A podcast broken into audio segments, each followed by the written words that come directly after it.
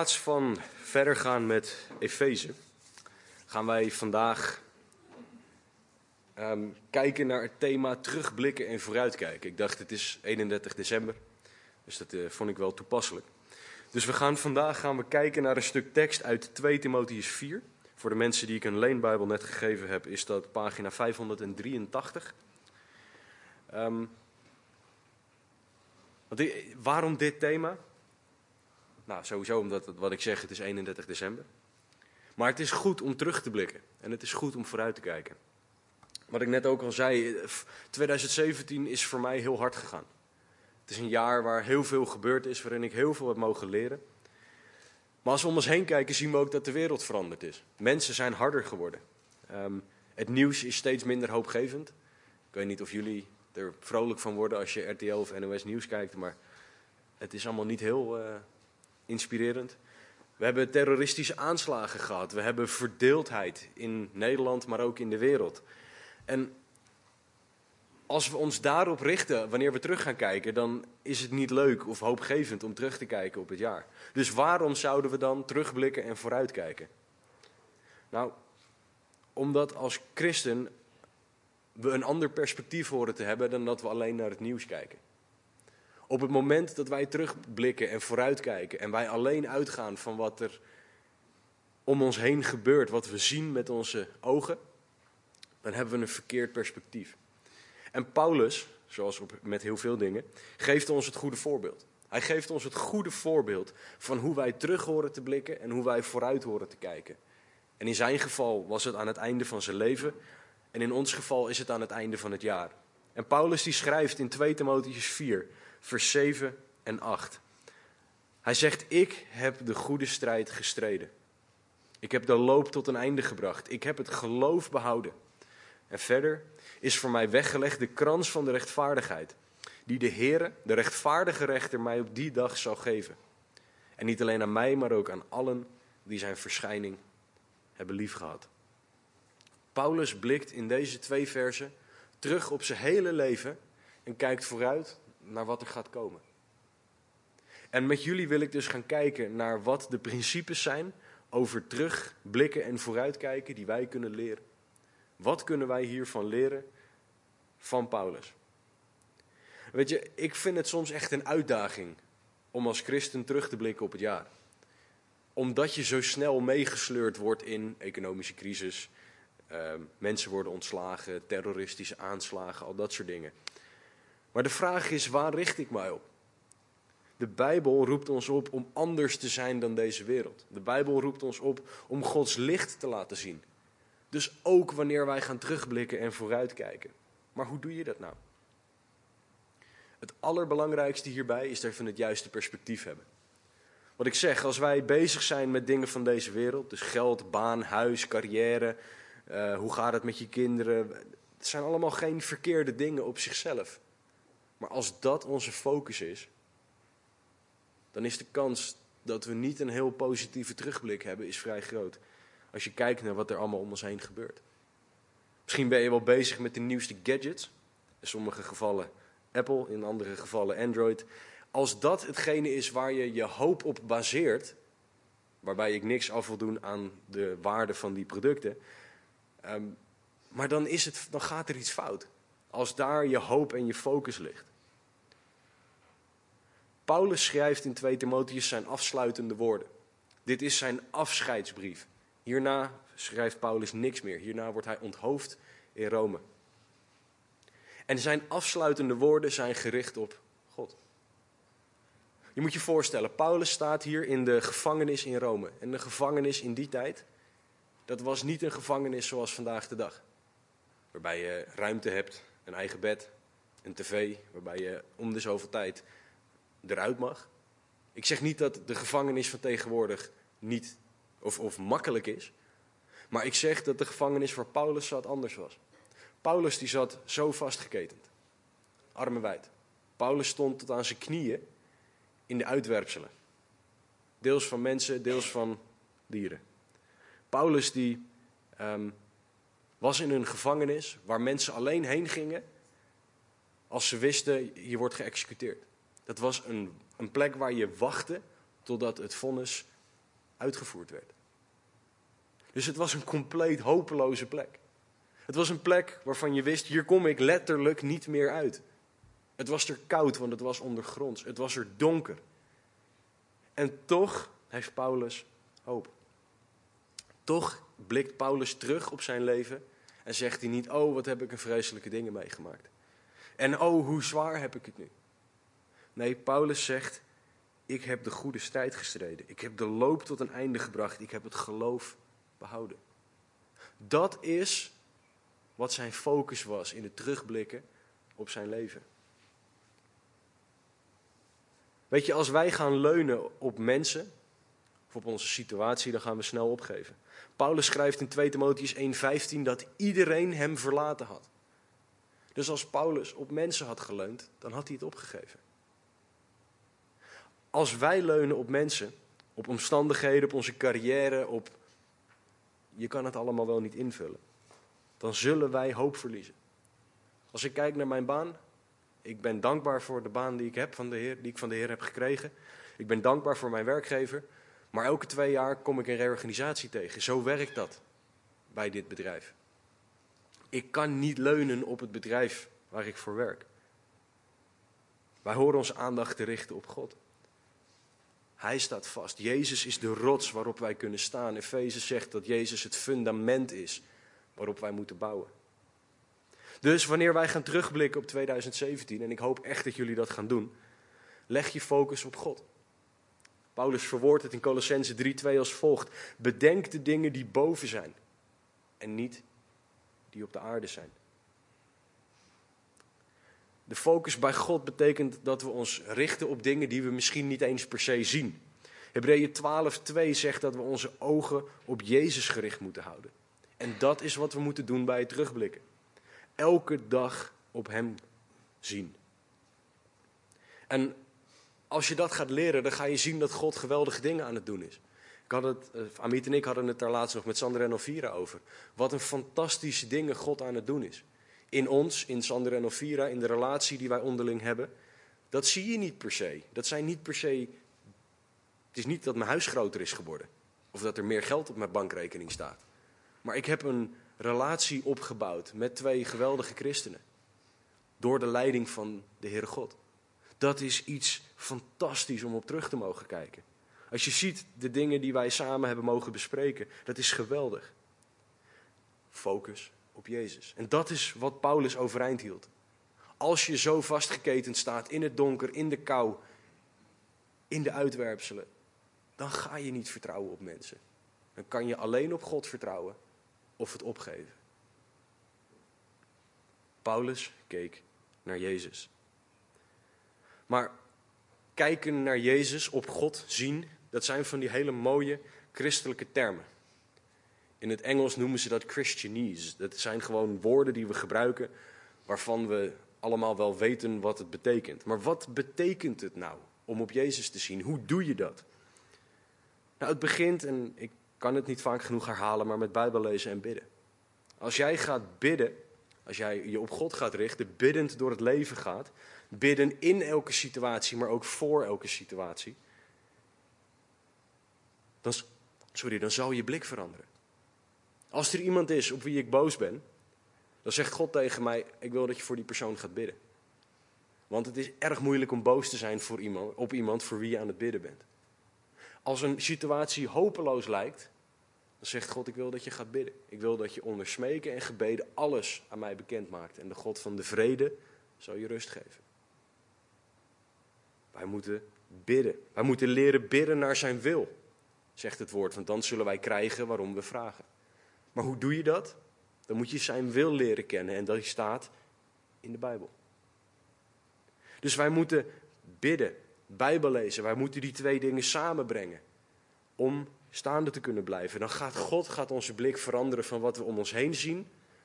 Naar ik hef mijn ogen op naar de bergen. Van waar mijn hulp komen zal. Psalm 121.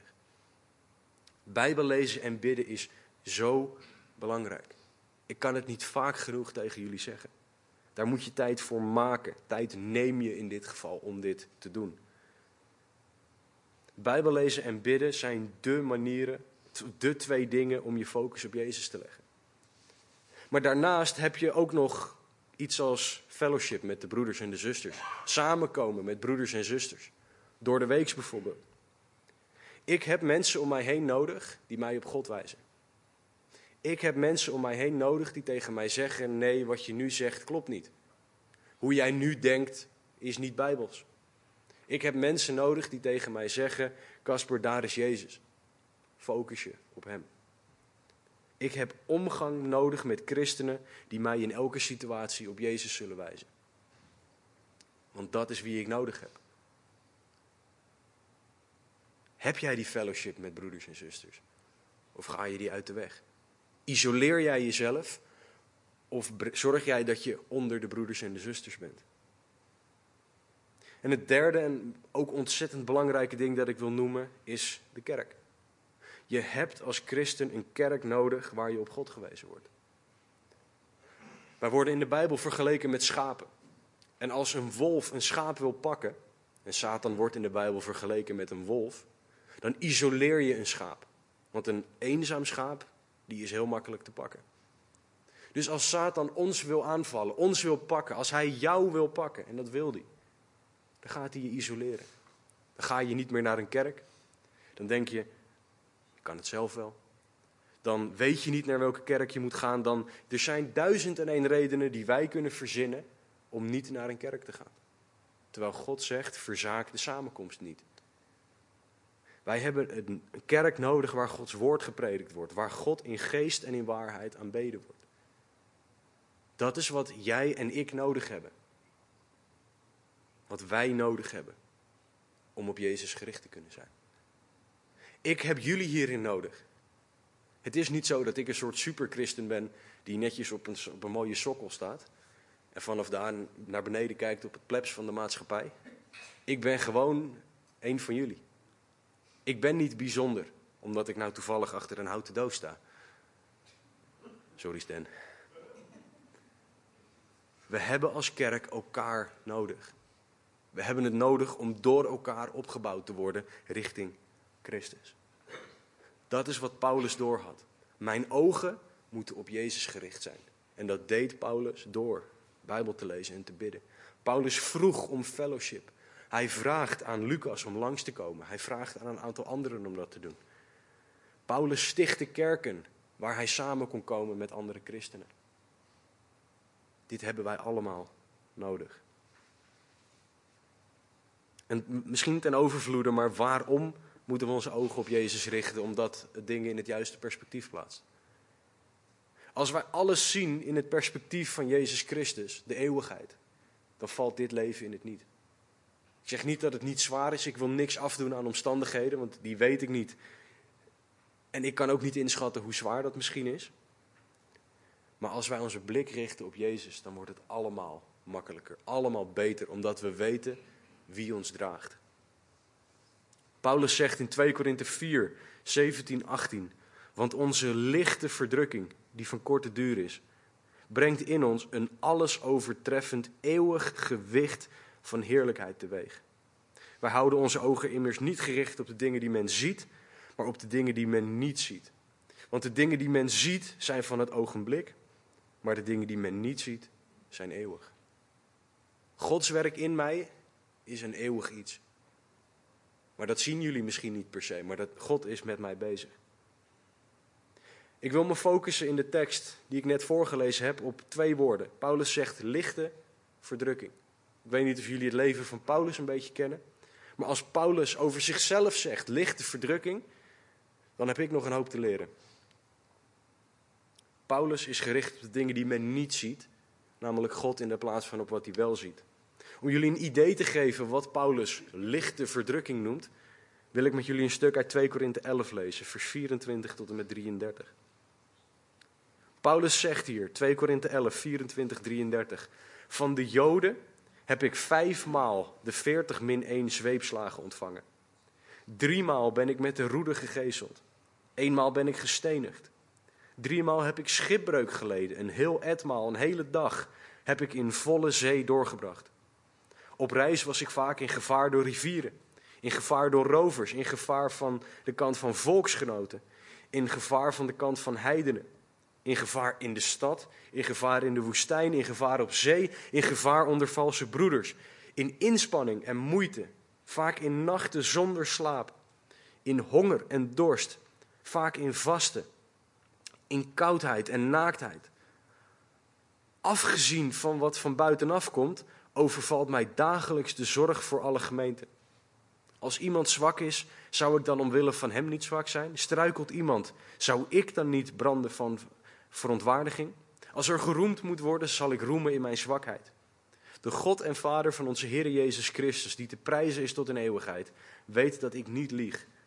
En dan plaatst Paulus nog een komma van, oh ja, deze was ik nog vergeten. In Damascus liet de stadhouder van koning Aretas de stad van de Damascenen bewaken, omdat hij mij gevangen wilde nemen.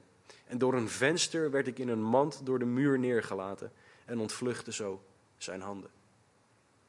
Dit is de lichte verdrukking waar Paulus het over heeft. Hij schrijft dit over al deze omstandigheden en hij zegt het is niks. Want ik zie het in het perspectief van de eeuwigheid. Dat betekent niet dat de omstandigheden waar hij doorheen ging niet zwaar waren. Dat betekent niet dat Paulus niet gehuild heeft.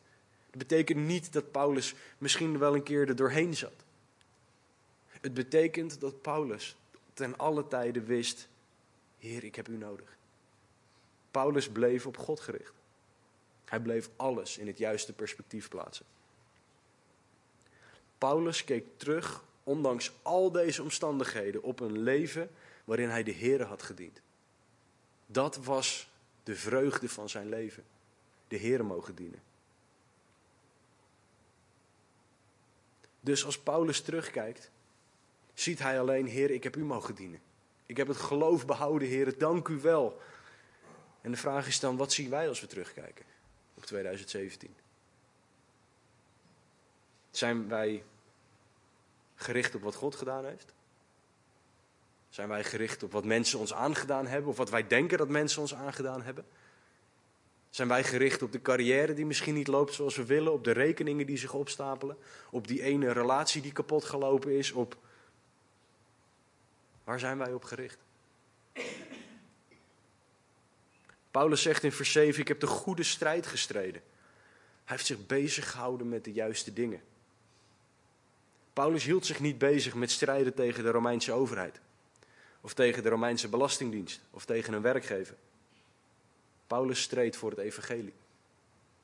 Hij vertelde mensen over wie God is, wat Jezus gedaan heeft. Hij vertelde dat God zoveel van de mens houdt, dat God Jezus Christus naar de aarde stuurde. Die boodschap, die hoop, die liefde, genade, rust, zekerheid is wat Paulus overeind hield. Daardoor kon hij in die gevangenis, vastgeketend, zeggen: Ik heb de goede strijd gestreden. Niet, jongens, wat heb ik het zwaar. Terugkijken op 2017, waar heb jij voor gestreden?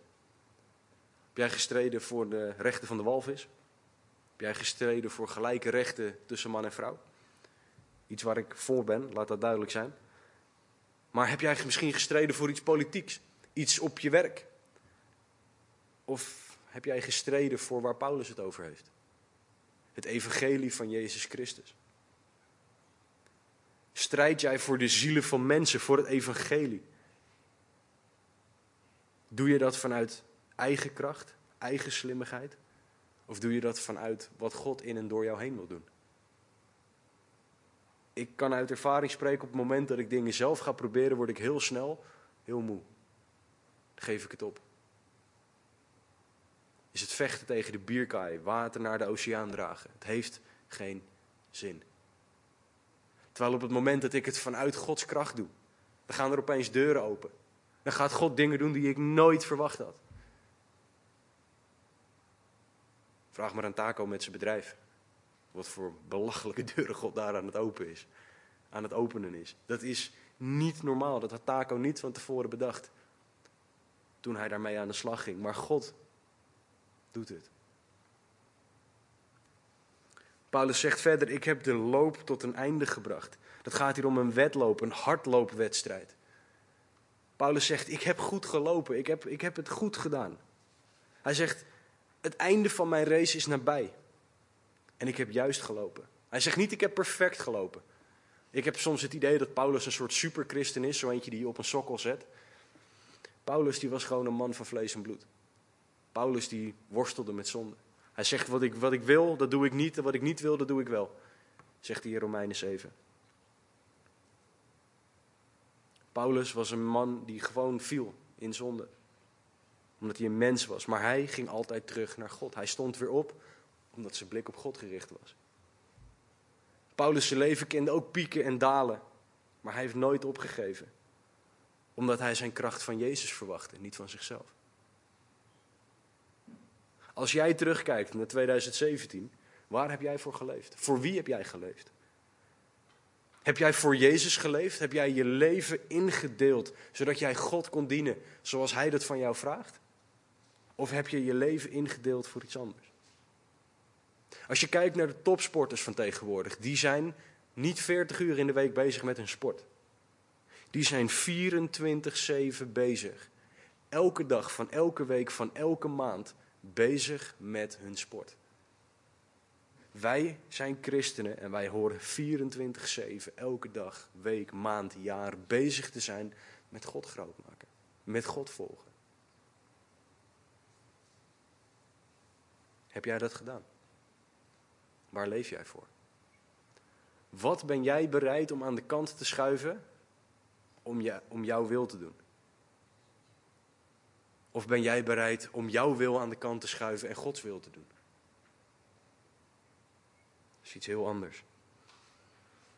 Misschien leef jij niet voor je geloof, misschien ga je er niet voor. Leg dat bij de Heer neer. Vraag Hem om vergeving dat je dat niet doet. Bekeer je. Want we hebben het nodig. Jij hebt het zelf nodig om op deze manier Jezus na te volgen. Want anders kan je nooit zeggen wat Paulus gezegd heeft als laatste zin: Ik heb het geloof behouden. Paulus had het geloof behouden. Ondanks de omstandigheden. Ondanks honger, armoede, mensen die hem wilden doden, mensen die hem wilden stenigen. Zijn familie, zijn, zijn, zijn Joodse broeders. Die tegen hem zeiden: We kennen jou niet. Zijn Joodse broeders die hem wilden stenigen. Die tegen hem zeiden dat hij een valse leraar was. Ondanks dat was hij zijn geloof in Jezus Christus niet verloren. Het had zijn geloof juist sterker gemaakt. Want hij had door dat hij zwak moest zijn, zodat God sterk kon zijn. 2 Korinthe 12, vers 9. Jezus regeerde in hem en daardoor kon hij zijn geloof behouden. Paulus wist, als ik dit zelf ga doen, dan ga ik falen, dan gaat het kapot en dan geef ik het op. Daarom vertrouwde hij op Jezus. Hij keek naar degene die nooit zou falen. Jezus Christus. Daar was zijn blik op gericht. En in 2017, waar zijn jouw ogen op gericht geweest? Zoek jij God in alles? Vertrouw je dat Hij jou draagt? En dat Hij jou leidt? Of wil je het zelf doen? Ik heb een tijd lang in de supermarkt gewerkt. En een van de dingen die daar in de schappen lag, dat waren billendoekjes waarop stond ik het doen. En dat idee heb ik altijd op het moment dat ik zelf tegen God zeg, nee, maar ik het doen. In de plaats van dat ik zeg, papa, kan het niet. Ik het doen of God doen? Vertrouw jij op mensen, op het oordeel van mensen, op wat mensen zeggen? Of vertrouw jij op God? Van wie, en dat kan wie met een hoofdletter of met een kleine letter zijn, hangt jouw geloof af. Als jouw geloof van iemand anders afhangt dan Jezus Christus, dan heb je een probleem. Omdat mensen zullen falen. Kijk maar om je heen. Deze mensen hier, ik inclus, falen. Dus als jullie je geloof bouwen op mij, dan heb je een probleem. Want ik faal. Elke dag. Vraag maar aan mijn vrouw. De enige die nooit faalt is God. En Jezus is God, dus mogen wij op Jezus vertrouwen. Op elk moment van elke dag. Als wij gaan terugkijken op 2017, zoals Paulus terugkeek op zijn leven, dan horen wij gericht te zijn op Jezus en wat Hij gedaan heeft. Want alleen door wat Jezus gedaan heeft, kan je zeggen: Ik heb de goede strijd gestreden. Ik heb de loop tot een einde gebracht. Ik heb het geloof behouden. Alleen als jij het perspectief van Jezus Christus hebt, kan je dat zeggen. Net zoals Paulus terugkijkt, mogen wij ook de komende tijd in het juiste perspectief plaatsen. En het nieuwe moment is vaak het, of het nieuwe jaar is het moment dat we vaak goede voornemens doen. Ik hoop dat die voor jullie langer volhouden dan gemiddeld, want dat is ongeveer half tot eind januari dat mensen er weer mee stoppen. Um, maar we, we gaan vooruitkijken. De meeste Nederlanders kijken direct uit naar die vakantie die komt. Want we zitten nu in een donkere periode, met korte dagen, dan gaan we uitkijken naar die vakantie. Maar als, je, als christen, hoe kijk je nou vooruit? Waar hoor je op gericht te zijn? Op het moment van schrijven weet Paulus, ik ben bijna dood. Ik, ik, ga, ik heb niet lang meer te leven.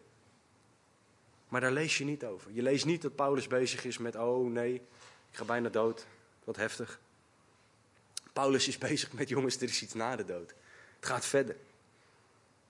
Paulus kijkt vooruit naar het moment dat hij Jezus Christus zal zien.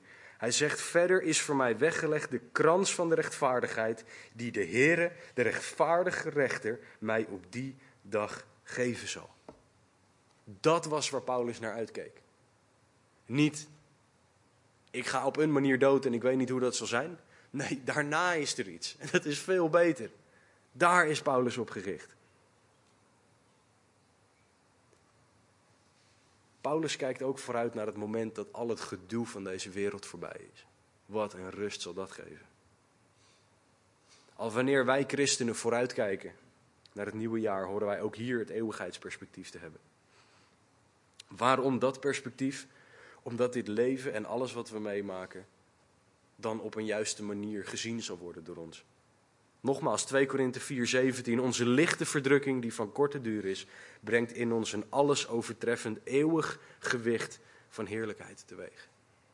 Als wij ons richten op het feit dat nu maar kort is en de eeuwigheid lang, dat we hier niet alles zullen zien, maar in de eeuwigheid God zullen zien zoals Hij echt is, dan wordt alles makkelijker. En laat heel duidelijk zijn, we maken soms hele erge dingen mee. Echt waar. We verliezen mensen, we verliezen banen. Mensen worden ziek, er zijn te veel dingen om op te noemen. En ik ga het ook niet proberen om ze allemaal op te noemen. Als wij vanuit een aards perspectief kijken naar het komende jaar, is het echt niet heel hoopvol. We hebben weinig om naar uit te kijken. Vanuit een aards perspectief stopt alles toch na de dood. Maar als we gaan bedenken dat er een eeuwigheid op ons wacht, waar alles perfect is, waar er geen tranen, dood, rouw, jammerklacht of moeite meer zal zijn, dan hebben we hoop. Dan hebben we een hoop die zoveel mooier is dan wat we hier nu allemaal zien. Romeinen 15:13 zegt dat God de God van hoop is. Dus als jij hoop nodig hebt, ga naar God toe. Door deze God van hoop kon Paulus het perspectief hebben wat hij ons in vers 8 laat zien van 2 Timotheus 4. Paulus kijkt uit naar de krans van de rechtvaardigheid, de beloning voor wat hij heeft gedaan. Paulus die wist dat hij dingen had gedaan uit Gods kracht en voor Gods koninkrijk en dat hij daarvoor een beloning zou krijgen. Dit gaat hier om een kroon die hij zal ontvangen. En voordat je denkt, ja, maar in de hemels hebben we allemaal grotere kronen en dan gaat het om wie de grootste kroon heeft en zo. Als we in openbaring kijken naar aanbidding, gooit iedereen zijn kroon voor de Heer neer. Dus maakt het niet uit hoe groot of hoe klein die is. We aanbidden God allemaal. Dat is waar het uiteindelijk naartoe gaat. Ik weet niet of je het je realiseert als christen, maar 1 Korinthe 3 zegt dat alle daden beoordeeld zullen worden. Ook de daden van een christen zullen door God beoordeeld worden. Ze zullen door het vuur gaan, staat er in 1 Korinthe 3. En wat er overblijft, is wat wij in en uit Gods kracht gedaan hebben. Niet wat ik zelf gedaan heb, niet wat ik zelf bedacht heb. Dat blijft niet over. En de vraag is dan, wat voor daden doe jij? Wat voor daden doe ik? Zijn die naar Gods hart geleid door God? Of is het mijn eigen wil en mijn eigen kracht? Ik het doen. Waar zijn jouw daden op gebaseerd? Op wat God zegt of op wat ik, of op wat ik zeg? Weet je, wij moeten geloven wat Paulus geloofde, doen wat Paulus deed en volhouden net als Paulus. Om die beloning te mogen ontvangen. Dus iets voor het aankomende jaar dat wij aan God mogen vragen is, Christ, of is Paulus navolgen zoals hij Christus navolgde. Dat zegt Paulus ook in 1 Korinthe 11, 1. Volg mij na, zegt Paulus. Dan zegt hij, want ik ben zo geweldig. Nee, hij zegt, zoals ik Christus navolg. Het gaat om het navolgen van Christus. En daar mogen we een voorbeeld nemen aan iemand als Paulus. En hoe hij leefde. Misschien heel confronterend en ik vond dit geen leuke vraag om aan mezelf te stellen. Maar als ik mijn daden, mijn motieven en mijn leven naast dat van Paulus leg, hoe sta ik er dan voor? Als ik nog een stapje verder ga. Als ik mijn daden, mijn motieven en mijn leven langs dat van Jezus Christus leg, hoe sta ik er dan voor? We houden er zo van om ons te vergelijken met christenen, met andere mensen. Ja, ik weet dat ik een zondaar ben, maar ik ben niet zo slecht als persoon X. God zegt, nee, maar daar gaat het niet om. Ik wil dat jij je vergelijkt met mijn zoon. Ben jij al meer als Christus? En op het moment dat jij kan zeggen, ik ben als Christus, dan ben je of een leugenaar of dood. Want op het moment dat wij dood zijn, zullen wij bij God zijn en zullen we zijn zoals we bedoeld zijn. Maar als je nog op deze aarde bent, lieg je, want je zal nooit zijn zoals Christus hier. Het is een reis, een proces, iets waar God ons doorheen wil nemen. En daar mogen we ons naar uitstrekken en aan God vragen om dat in ons te doen. Bid in 2018 dat jij meer zal worden als Christus. Dat jij meer zal zijn zoals Hij was, zoals Hij is. En wat je dan ook mag krijgen is waar Paulus naar uitkeek. Die blik op de hemel, de eeuwigheid. Dat is de plek waar alles perfect is. We zullen daarbij God zijn. Alles wat de wereld kenmerkt en slecht maakt, zal er niet meer zijn. Wat een fantastisch iets om naar uit te kijken. Al het gedoe van deze wereld. We zullen daar God zien. Dat is het allerbeste dat ons kan overkomen. En je hebt van die mensen die dan stoer willen doen en die zeggen: Ja, wanneer ik boven kom, ga ik even goed met God praten, want dan ga ik hem uitleggen hoe het allemaal had moeten zijn. En die gaan: Ik moet even praten met de grote man daarboven. Als je kijkt naar de mensen die in de Bijbel God zien, doen die één ding. En één ding alleen. En dat is niet praten. Die vallen plat voorover op hun gezicht. En aanbidden God, omdat ze niks anders kunnen. Dat is wat wij zullen doen in de hemel. God aanbidden. Wij zullen niet onderhandelen met God. Ja, maar dit was toch ook wel redelijk goed? Nee, de maatstaf is duidelijk. Het is God, God, God en God die we zullen zien daar. En dan zullen we doen in de hemel waarvoor wij gemaakt zijn. Jesaja 43:7 leert ons dat het doel van de mens is om God te aanbidden. God aanbidden is ons doel. Jesaja 43:7. En we mogen daar nu al mee beginnen op deze aarde. En de vraag is dan wie of wat aanbid jij? Misschien zeg je ook, ik aanbid helemaal niks. Nou, kijk maar waar jij je, telt, je, tijd, je geld en je energie aan besteedt. Dat is wat jij aanbidt. Het eerste waar jij aan denkt wanneer je wakker wordt. Ik durf met 99% zekerheid te zeggen dat dat is wat jij aanbidt in je leven. Waar jij je tijd, je energie en je geld aan besteedt, is wat er in je hart leeft. Dat is wat jij aanbidt. Is dat God? Of is dat iets of iemand anders? Als we in de hemel zijn, zullen we ook zien hoe God alles bedoeld heeft. We zullen dan gaan zien waarom God bepaalde dingen heeft laten gebeuren. Een van de meest gehoorde vragen tegenwoordig is: ja, maar waarom God?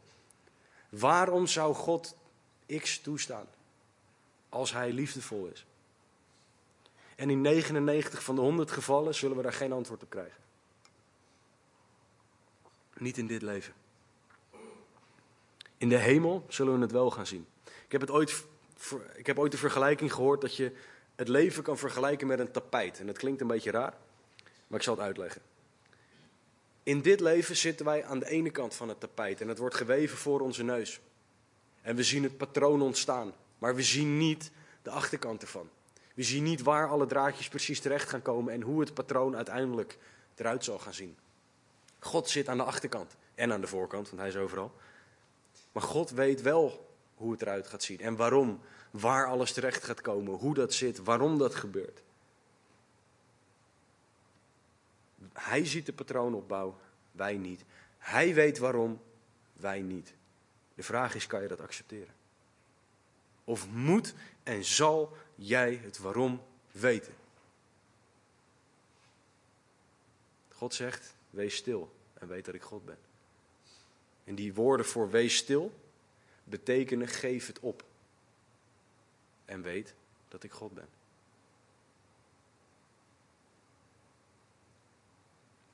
Waarom zouden wij naar de hemel kijken? Behalve de dingen die ik net genoemd heb, is dat het ons laat zien waarvoor wij dit leven leven.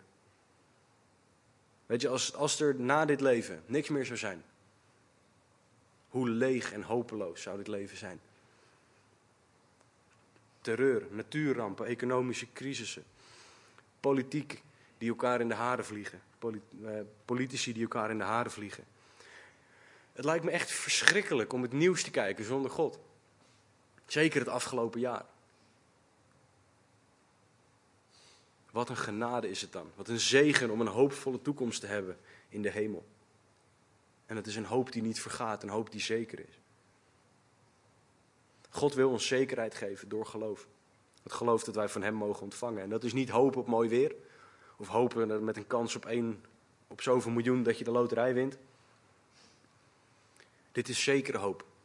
Dit is, ik weet dat het gaat komen, maar ik weet alleen nog niet wanneer. Dat is de hoop die wij hebben. Hebreeën 11.1 leert ons dat ook. Dat is de hoop van de christen op de eeuwigheid. God geeft ons zekerheid van redding. We hoeven niet bang te zijn dat we die redding zullen verliezen. God wil ons juist de zekerheid van redding en eeuwig bij Hem zijn geven. Jezus zegt in Johannes 10, 28 dat niemand ons uit zijn hand kan stelen. Je moet echt wel heel knap zijn, wil jij iets of iemand uit Gods hand kunnen stelen. En niemand is sterker dan God, dus lukt niemand dat. Dus hoe kom jij in die hemel? Ik heb er een hele hoop over gezegd dat dat ons toekomstperspectief mag zijn voor het aankomende jaar. Dat we alles in het perspectief van die eeuwigheid mogen plaatsen. De eerste manier is je laatste adem uitblazen als christen op deze aarde. En ik zeg niet neem het heft in eigen handen, want dat is niet wat God van ons vraagt. Maar je laatste adem uitblazen op deze aarde als christen is een manier om in de hemel te komen. Dan blaas jij je laatste adem hier uit en neem je je eerste adem in de eeuwigheid. De tweede manier is de opname van de kerk. En op allebei de manieren hebben we zelf weinig invloed en ligt het aan God. Maar beide opties hebben hetzelfde effect. Voor hen die in God geloven. Namelijk dat we in de hemel zijn bij God. En de belangrijkste vraag dan die ik aan ieder mens kan stellen is: wie is Jezus voor jou? Geloof jij met Paulus dat Jezus de zoon van God is? Geloof jij dat Jezus voor jouw zonde gestorven is? Geloof jij dat jij een zondaar bent die Gods redding nodig heeft? Dan hoef je niet bang te zijn voor de dood. Dan hoef je niet te vrezen voor wat er op aarde gebeurt. Je mag namelijk weten dat in Gods handen de toekomst is. Ik weet niet wat de toekomst brengt, maar ik weet wel wie de toekomst vasthoudt. God heeft mijn toekomst in zijn handen. Is dat, geeft dat mij rust of niet?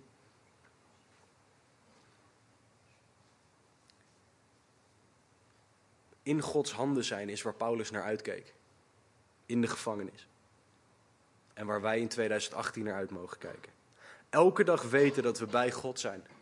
En dat we uiteindelijk bij Hem mogen zijn in de eeuwigheid. Wat een hoop, wat een liefde, wat een rust is dat die we van God krijgen. Dus voor de korte termijn van 2018 mogen wij vooruit gaan kijken naar wat God gaat doen. Want wij weten niet wat God gaat doen. We mogen bidden dat God gaat werken in mensen. Dat we de dingen die we niet met, met fysieke ogen zien, maar met geestelijke ogen, dat God aan de slag gaat en dat we dat mogen zien. Paulus verwoordt het als volgt in Galaten 2:20: Ik ben met Christus gekruisigd en niet meer ik leef, maar Christus leeft in mij. En voor zover ik nu in het vlees leef, leef ik door het geloof in de Zoon van God die mij heeft liefgehad en zichzelf voor mij heeft overgegeven. Dat is de basis van Paulus' leven, de basis van Paulus' vooruitblik. En dat betekent dat wij mogen gaan denken zoals Jezus denkt. Filippenzen 2 leert ons hoe Jezus dacht. Hij legde alles af. Hij was gehoorzaam tot aan de dood. Dat is hoe wij horen te gaan denken. In alles ondergeschikt aan God. Wij mogen doen wat Jezus deed. In Johannes 15, 19 zegt Jezus dat hij alleen doet wat hij de Vader heeft zien doen. Dat is mijn gebed voor 2018. Dat ik mag doen wat de Vader deed, omdat Christus in mij woont. En tegelijkertijd dat ik ook mag laten wat Jezus liet. Oftewel niet doen wat Jezus ook niet deed. In Hebreeën 4:15 wordt er uitgelegd dat Jezus in alles op dezelfde wijze als wij verzocht is. Hij was een mens zoals jij en ik. Maar hij leefde zonder zonde, hij leefde perfect. Dus voor 2018 bid ik dat wij de kracht mogen ontvangen van God om de dingen te laten die niet van God zijn. Ook dat is een eeuwigheidsperspectief. Dat wij dat doen wat God van ons vraagt. Met die kroon in ogenschouw nemen die wij van de Heer mogen ontvangen. Christen, jij moet leren, ik moet leren. Wij moeten leren onszelf te verloochenen, ons kruis op te nemen en Jezus na te volgen. Daar vat Jezus alles samen wat Paulus onze kant op geslingerd heeft. Wij moeten onszelf ondergeschikt maken aan God, aan wat Hij heeft gedaan, aan Zijn wil. Onderwerp jij je aan God of aan iemand anders? Als wij gaan terugblikken en vooruitkijken, neem dan mee hoe Paulus dat gedaan heeft. Hij blikte terug op wat Jezus in hem gedaan had, wat Jezus voor hem gedaan had. Kijk terug naar wat Jezus voor jou gedaan heeft in het afgelopen jaar. Wat Jezus in jou gedaan heeft in het afgelopen jaar. De basis van Paulus' blik was Christus.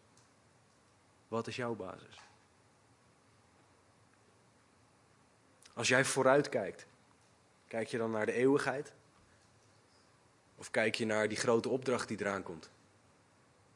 Dat examen dat eraan komt? Ben je misschien bezig met de dood en ben je er bang voor? Heb je geen hoop voor het komende jaar? Heb jij je eigen agenda of wil jij meer worden als Christus in 2018? Waar kijk jij naar vooruit? Weet je, wij mogen vandaag weten, wij moeten vandaag weten wat God voor ons gedaan heeft. Wij moeten weten dat Jezus voor de zonde van de mens stierf. Niet omdat hij moest, maar omdat hij van jou houdt. Wij moeten weten dat Jezus jou en mijn straf aan het kruis droeg. Wij moeten weten dat hij de zonde van de wereld op zijn schouders nam. En zonde is alles wat niet voldoet aan Gods standaard van perfectie. Jezus werd gemarteld, hij kreeg zweepslagen, de baard werd uit zijn gezicht gerukt voor jou en voor mij. Zoveel houdt hij van jou. Omdat hij niet wilde dat wij gescheiden zouden zijn van God, maar hij wilde dat we bij God zouden zijn in eeuwigheid. Mijn vraag aan jou is, weet jij dit? Als jij terugblikt, vooruit kijkt, weet jij dan dat dit voor jou is? Weet jij dat jij een zondaar bent van wie God oneindig veel houdt? Weet jij dat jij een probleem hebt dat alleen God op kan lossen? Als jij dat nog niet weet, praat met God. Ga bidden, ga met God in gesprek. En dat kan gewoon in je hoofd. Je kan gewoon gaan nadenken, Heere God, laat u zelf aan mij zien. Bid dat Hij jou laat zien hoeveel Hij van je houdt. Vertel aan God dat je een zondaar bent. Dat je weet dat je Gods wet hebt overtreden. Vraag Hem om vergeving. Accepteer Jezus' aanbod, namelijk Zijn offer aan het kruis. Als jij dit al gelooft, is dit jouw basis voor terugblikken en vooruitkijken? Hoe dankbaar ben jij dat je hierop terug mag blikken en dat dit de basis is voor jouw eeuwigheidsblik? Besef jij dat dit de basis is van jouw leven? Besef jij dat je elke dag genoeg reden hebt om dankbaar te zijn? Sta jij stil bij hoeveel Jezus jou vergeven heeft? Als jij terugkijkt op 2017, sta jij dan stil bij wat Jezus gedaan heeft? Sta je daar eerst bij stil of sta je stil bij andere dingen?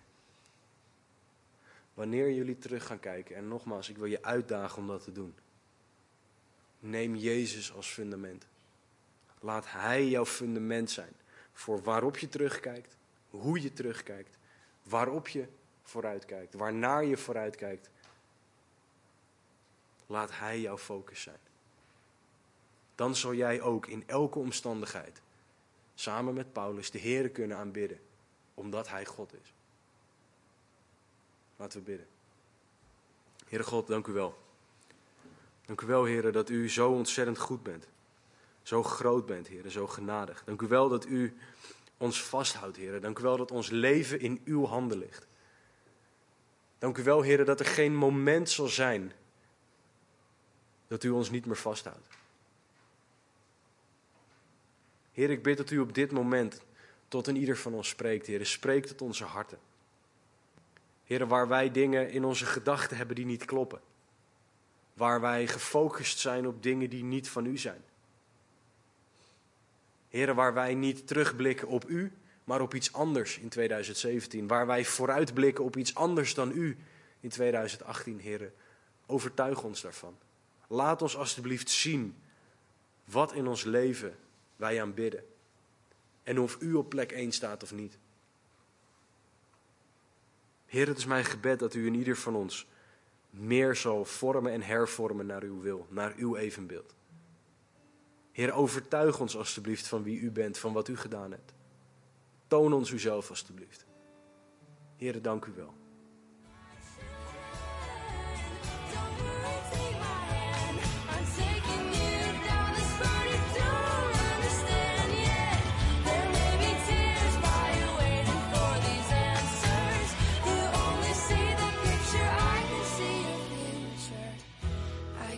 Tell you right now, it's gonna be alright.